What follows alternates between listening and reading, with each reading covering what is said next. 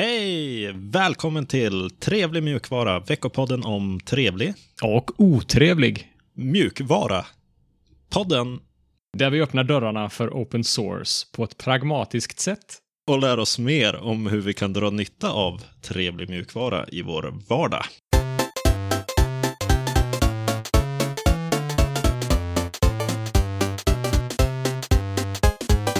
Mitt namn är Alexander och med mig har jag som vanligt Seb. Tjena. Hur är läget? Jo, det är fint. Bara bra. Vad har du gjort i veckan? då? I veckan så har jag jobbat mycket med Storybook som vi kommer att snacka lite mer om senare. Just det. Annars har det väl inte hänt något eh, jättespännande sådär. Själv då? Ja, jag har ju provat Rocket League efter Linux-döden. Det har vi gjort, ja. Vad ska vi prata mer om idag då? Ja, det blir som vanligt eh, nyheter, eh, lite otrevligheter och trevligheter och så uppdateringar på våra utmaningar och så lite eh, feedback och information från vår, vårt community. Ja, men först lite nyheter.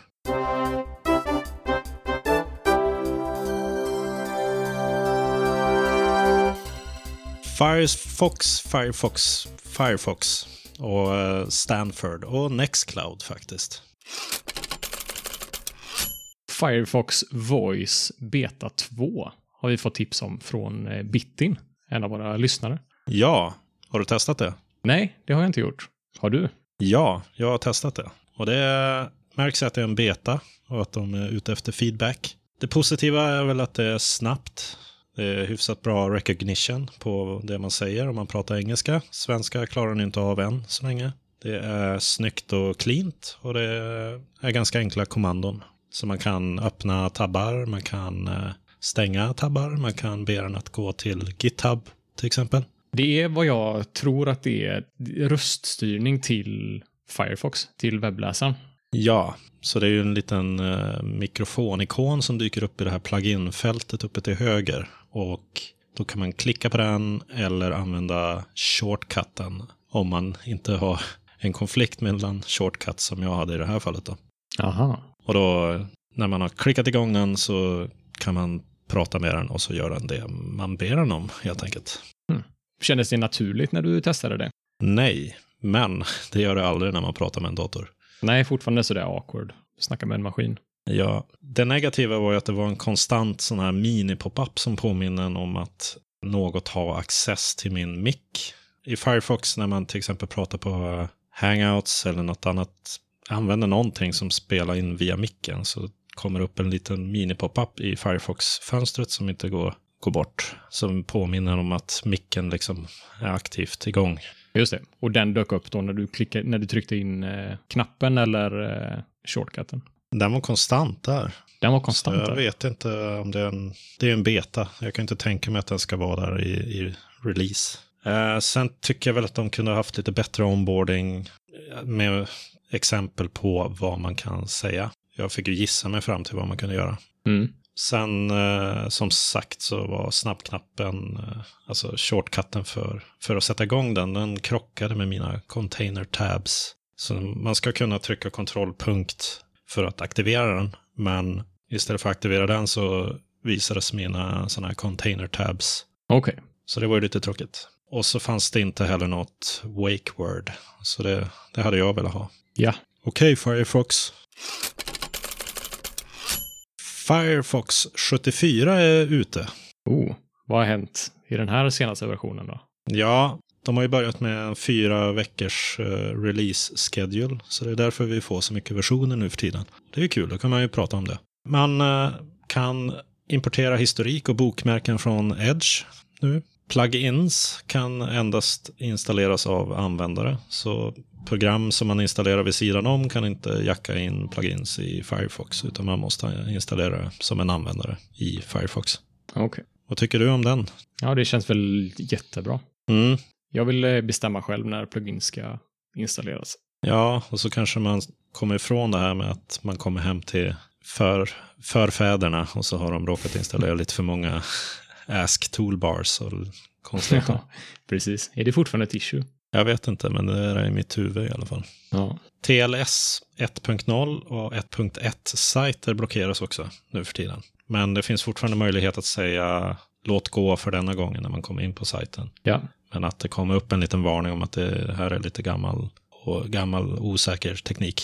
Just det. Så det är ungefär som under den här HTTPS-övergången så fick man ju en varning i början. Men man kunde fortfarande gå in på de här sidorna som inte hade HTTPS. Ja, precis. Men nu är det inte möjligt att göra det längre.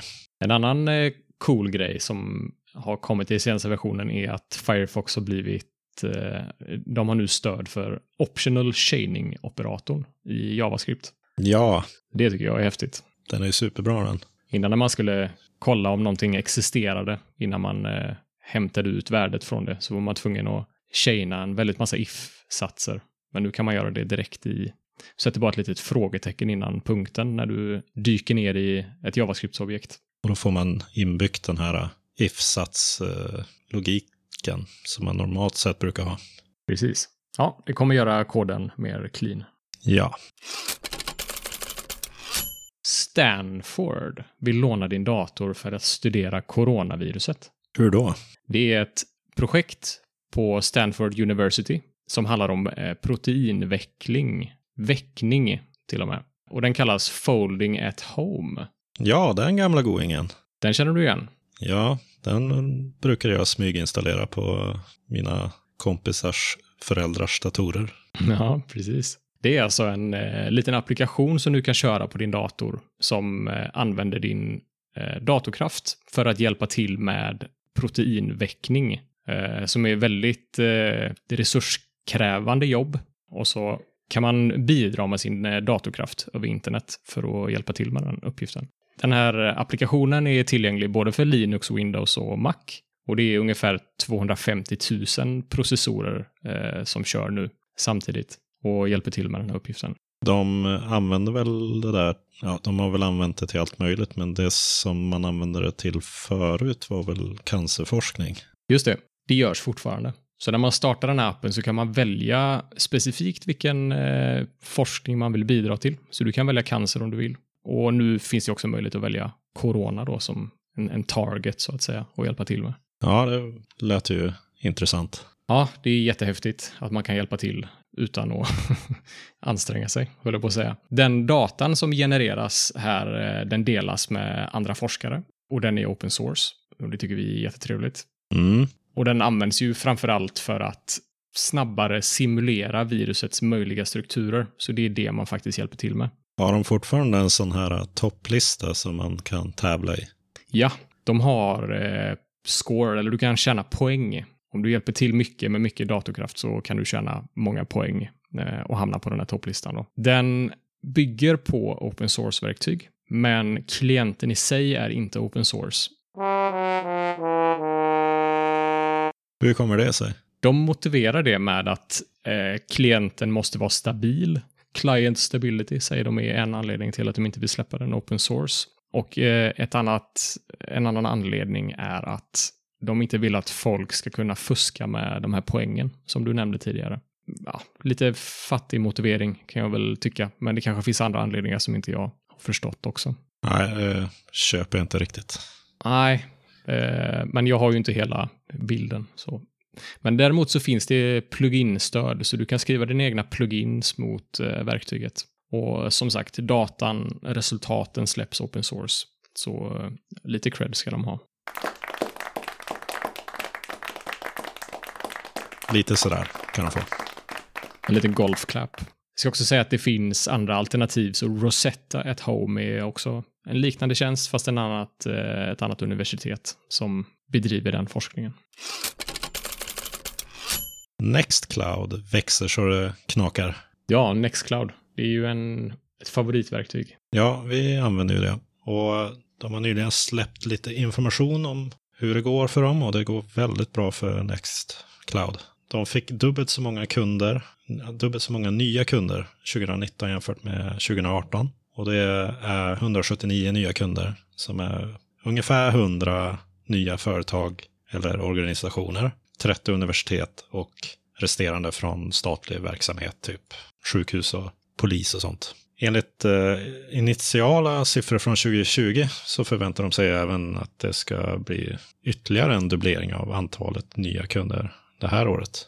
Oj. Eh, releasen av eh, Nextcloud Hub boostade nedladdningarna med 250 procent. Det var 150 000 nedladdningar de efterföljande sex veckorna efter de hade annonserat det här Nextcloud Hub. Åh jäklar. Och Hub är väl eh, webbgränssnittet för Nextcloud? Hub är väl snarare samlingsnamnet för hela deras produktportfölj. Okej. Okay. Med allt från eh, ja, webbgränssnitt till appar och tjänsterna som är inbakade i den här servern som chatt och, och program som eh, konkurrerar med Google Drive, deras Google Sheet och ja, deras Word-konkurrent på nätet. Ja, ja, okej. Okay. Ja, vi använder ju det, det har vi berättat lite innan, men vi använder det för att hosta alla vår, all vår rådata från podcasten.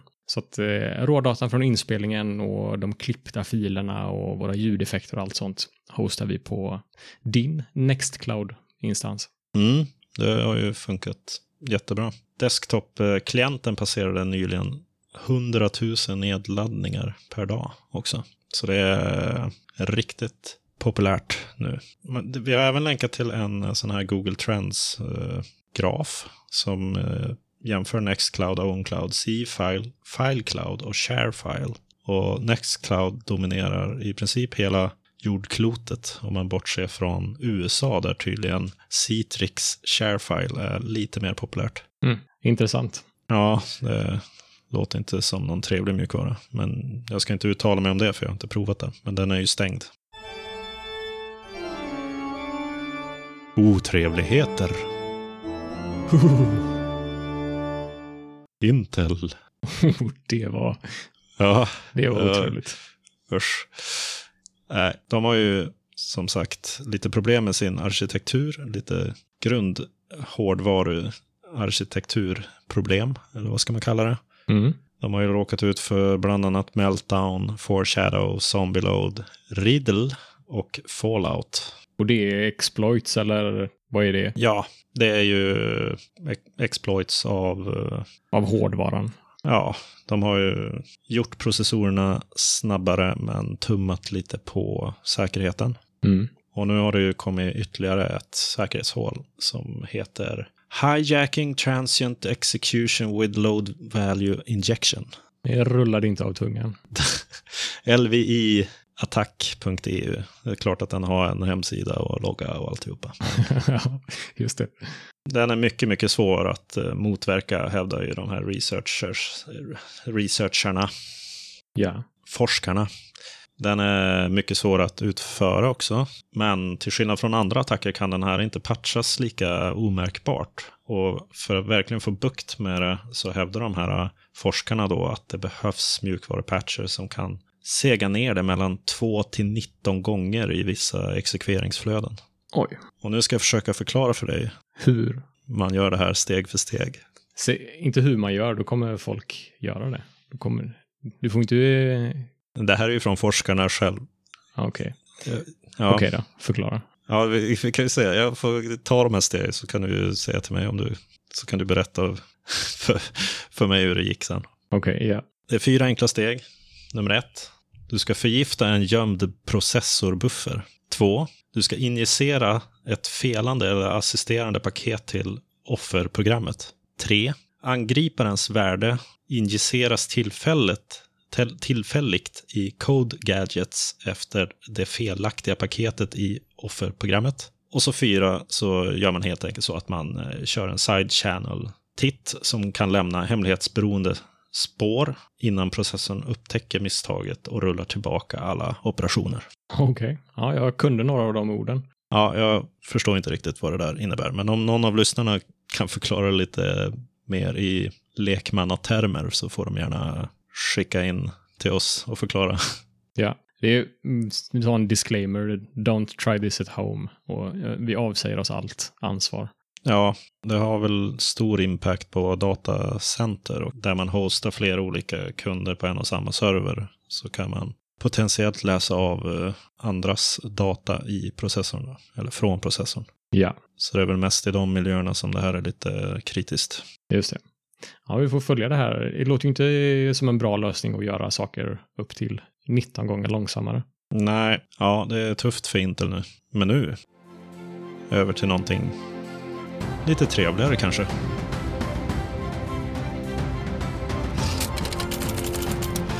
Det här känns mycket bättre. Den första trevligheten vi ska kolla på är Nymfcast. Och det är någonting som är helt eh, nytt för mig, men du kanske kan förklara lite vad det är för någonting? Ja, du vet hur man i många appar kan casta till en Chromecast. Ja. Men det är i princip omöjligt att eh, hosta en egen Chromecast eller by- eh, köra en egen Chromecast-server liksom på en Raspberry Pi eller liknande. Mm. Man är ju tvungen att köpa en från Google. Just det, det är som stickar den, själva hårdvaran. Mm. Så de har ju lite av ett monopol på det där. Och det är ju kul att se den här prylen då, för att de försöker att göra någonting som är open source som har samma funktionalitet som en Chromecast. Ah. Sen är det lite olyckligt namn kanske. Nymf brukar inte associeras med, ja, det är ju lite dirty term i vissa läger. Det är ju inte som, eh, vad heter det där, GIMP, tänker jag på. De är lite dåliga på att döpa sina grejer, Linux-gubbarna, ibland. Ja, men eh, ja, det de menar är väl en nymf som är en, det är en eh, övernaturlig varelse som är någon slags, ja, kvinnlig mikrogud. Okej, ja. Men nu, det innebär alltså att man kan skaffa en Raspberry Pi istället för den här stickan och installera Nymfcast på Raspberry Pi och sen casta saker på något sätt från sin desktop till den här Raspberry Pi. Mm. Och mobilen. Och från mobilen också, okej. Förutsatt att programmen som man kör och apparna man kör har byggt in stöd för det. För just Nymfcast. Det är inte så man Ja. kan använda Chromecast, eh, att den här dyker upp som en device i Chromecast-appen så att säga. Nej, tyvärr. Det är väl det som är haken. Ja, Men förhoppningen är väl att det slår igenom och blir stort och används. En, en ny standard istället för Chromecasten. ja. Det tycker jag låter som ett jättebra initiativ det här. Time Shift på Linux. Vad är det för något? Det är ju, eh, om du vet, på Mac så finns det ju någon sån här Time Machine va? Ja, just det. Du kan, den gör automatiska backuper och du kan spola tillbaks till en tidigare tid om något går fel. Ja, precis. Och ja, på Windows finns det någon sån här återställningspunkt som sätts ibland. Ja. Men på Linux så har vi Time Shift. Och det är ju ett väldigt enkelt verktyg som har utvecklats av, eh, eller i samband med Linux Mint. Och har spridits till alla distributioner i princip. Aha. Så jag skulle kunna köra den på min Manjaro? Ja, jag kör den på min Manjaro. Okej. Så den funkar så att den tar eh, en snapshot av eh, systemfilerna. Så att om man gör någon uppgradering eller håller på och laborerar med systemfiler och det skiter sig så kan man använda timeshift för att gå tillbaka i tiden helt enkelt. Ja, coolt. Det skulle jag behöva. Jag hade känt mig mycket tryggare i att experimentera med saker om jag hade haft timeshift. Ja, du får prova installera det och rapportera vad du tycker. Ja, ja det ska jag fasen göra. Bra tips. Och sista trevligheten vi har här är något som heter Storybook. Vad är det? Har du, har du hört talas om det? Ja, men jag har väl bara susat förbi det i princip. Jag jobbar ju lite med UX och design, så men det där är mer webb, webbvärlden, typ. Ja, det är ett verktyg för att ut, det är som, egentligen en utvecklingsmiljö för UI-komponenter, kan man väl säga. Så när du bygger en hemsida i eh, något modernt ramverk, som typ React eller Vue eller Angular, så kan du bygga dina UI-komponenter isolerade från själva appen. Så du behöver inte bry dig om appens eh, dependencies eller eh, andra krångliga grejer som, som du måste ha i, i den slutliga appen så att säga. Utan du kan bygga de här UI-komponenterna helt fritt och isolerat. Mhm.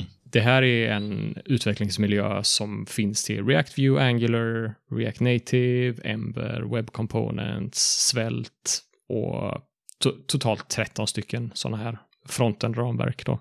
Ja, just det. Man kan, då gör man grejer eller designar grejer i det här verktyget och så spottar den ut någonting beroende på vilket ramverk man har valt och så kan man återanvända dem i de ramverken då, eller? Nej, den är inte, det är inte cross-ramverk så att säga. Utan eh, det finns en Storybook-variant för React och en annan Storybook-variant för Vue eh, och så vidare. Okej, okay, men man kan bygga komponenter i det som eh, man bara kan stoppa in i sina projekt sen. Precis, helt riktigt. Så det du vill göra är att bygga återanvändbara komponenter.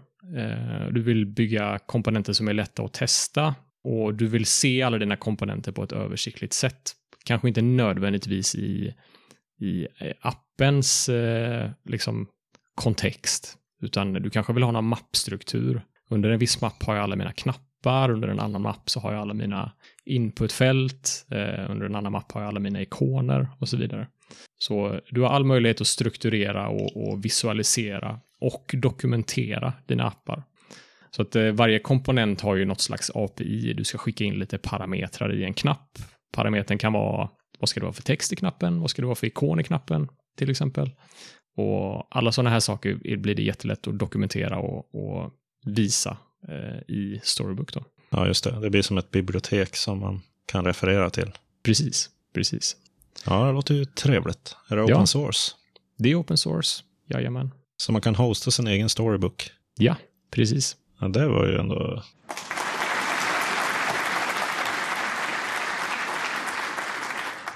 Det gillar vi. Ja, det gör vi verkligen. Eh, jag tänkte att vi ska eh, spinna upp en storybook för vår hemsida, trevligmjukvara.se där vi showcasear våra komponenter så att det ska bli lättare att jobba med hemsidan. Eh, det är inte så den är byggd idag, så det blir lite, lite backtracking, lite jobb med det där. Men eh, jag tror att vi kan eh, tjäna på det och framförallt så är det roligt, tycker jag. Så att... Ja, bra idé.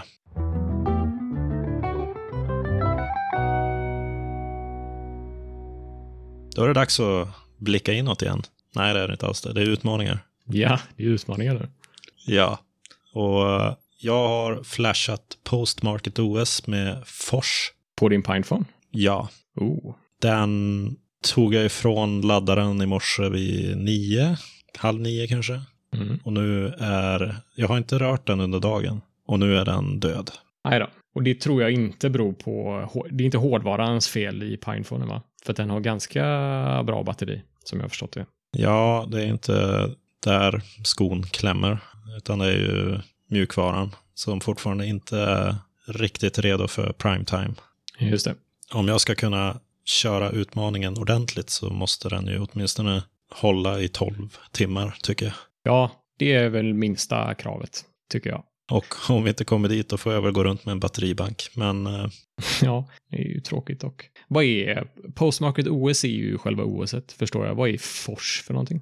Det är en telefonvänlig variant av eh, Gnome som eh, det kändes ändå ganska polerat. Mm. Men det var ja, lite problem med framerate och det fanns en telefonapp och lite okay. inställningar och man kunde faktiskt släcka skärmen utan att stänga av mobilen. Så det kändes ju som en riktigt... det är lyxfeature i... ja. Det... ja.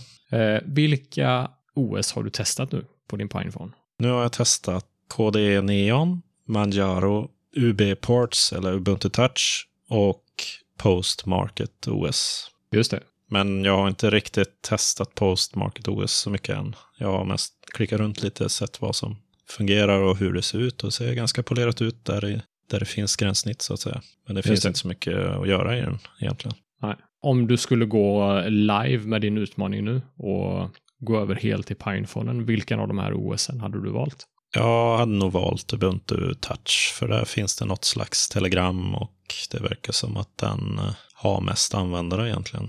Mm. De har ju användare som kört på andra mobiler. Ubuntu Touch har ju sålts på, på riktigt en gång i tiden. Så att det finns det. folk som har den. Ja, det verkar väl vara det mest mogna, men kanske också lite eh, tråkiga OSet. Ja. Det är bara mina förutfattade meningar kanske. Men... Ja, det är lite intressant och annorlunda. Det finns ganska fräcka swipe gestures man kan göra mm. för att byta appar och sådär. Men det är fortfarande inte... Man är ju van vid Android och iOS och de här. Att det är buttery smooth. Ja, just det. En bit kvar på de här gränssnitten. Ja. Den som har känts mest eh, buttery smooth är Plasma Mobile. Men den har också varit mest instabil, tycker jag. Ja, okej. Okay. Ja, de är ju extremt polerade, OSen för mobiler i dagsläget. Mm. Men eh, om nå något år eller så, så tror jag nog att det kan vara riktigt intressant. Spännande.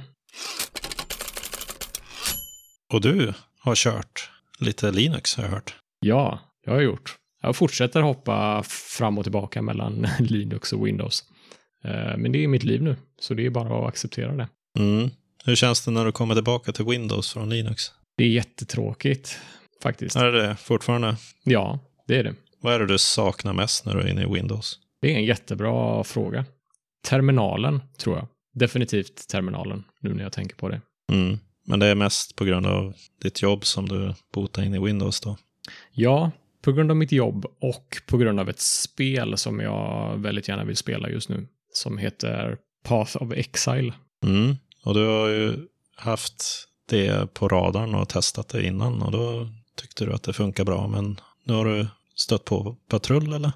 Ja, precis. Path of Exile har ju som ligor som släpps. Någon gång, de är väl några månader långa, jag kommer inte ihåg exakt hur långa de är, men i början av en liga så spelar man eh, mycket och sen dalar det av allt eftersom när man har tröttnat på det nya contentet.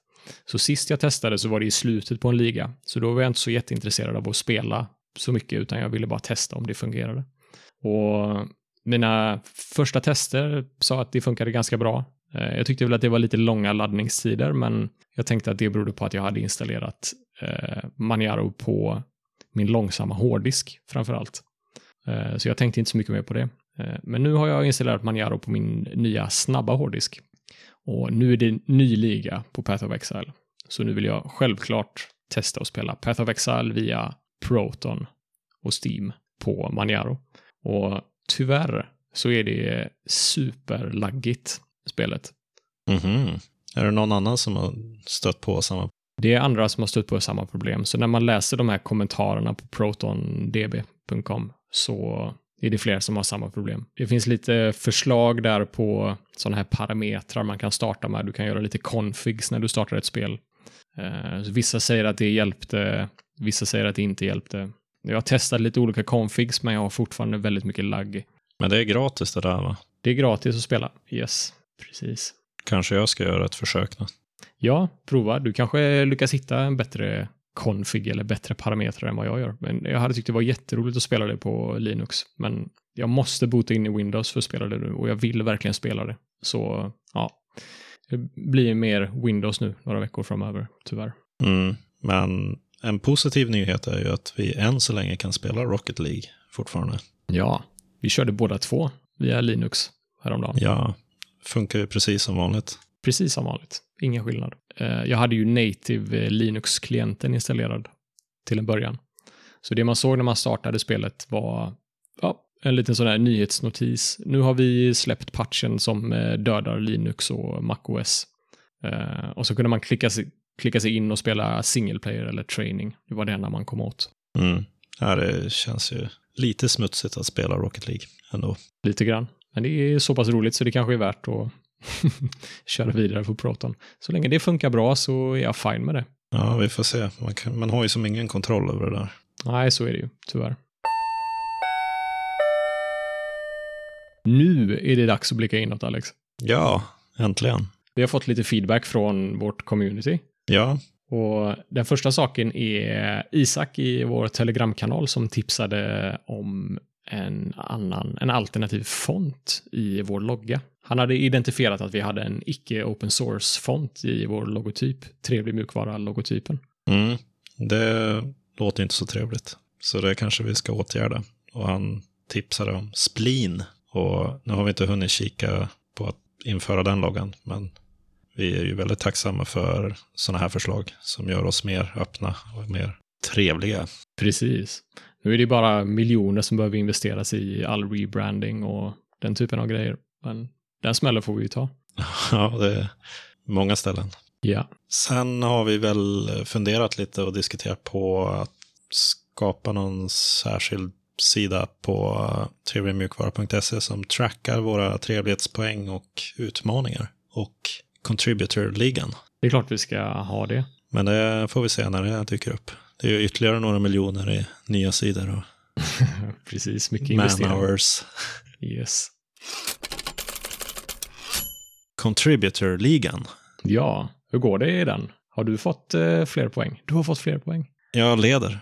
Jag har fått tre poäng till i bronsligan. What?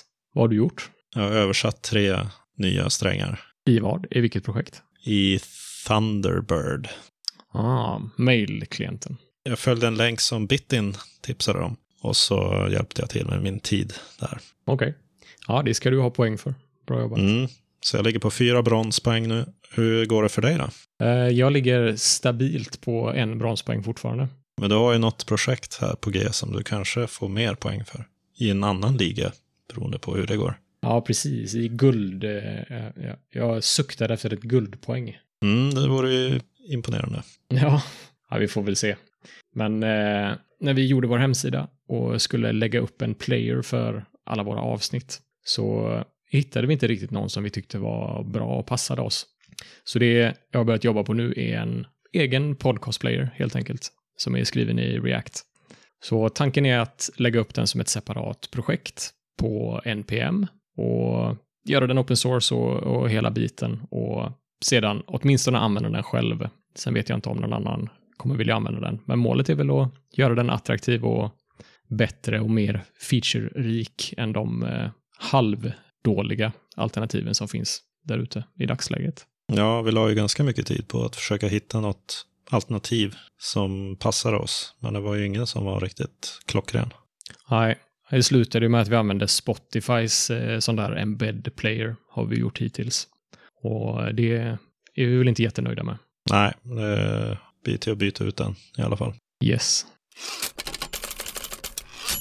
Det var all trevlig Och otrevlig. mjukvara vi hade för denna veckan. Hör gärna av er till kontakt trevligmjukvara.se. Och följ oss på ett trevlig mjukvara på Twitter och Mastodon om ni vill fortsätta diskussionerna eller ge någon annan input. Och vi finns ju även på Telegram, som sagt. Eh, där vi har en huvudkanal och en tipskanal där man kan tipsa oss om spännande saker. Vi hörs nästa måndag. Trevlig mjukvara på er. Trevlig mjukvara!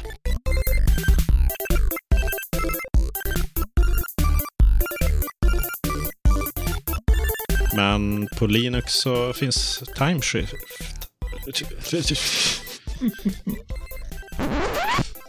Men på Linux så har vi timeshift.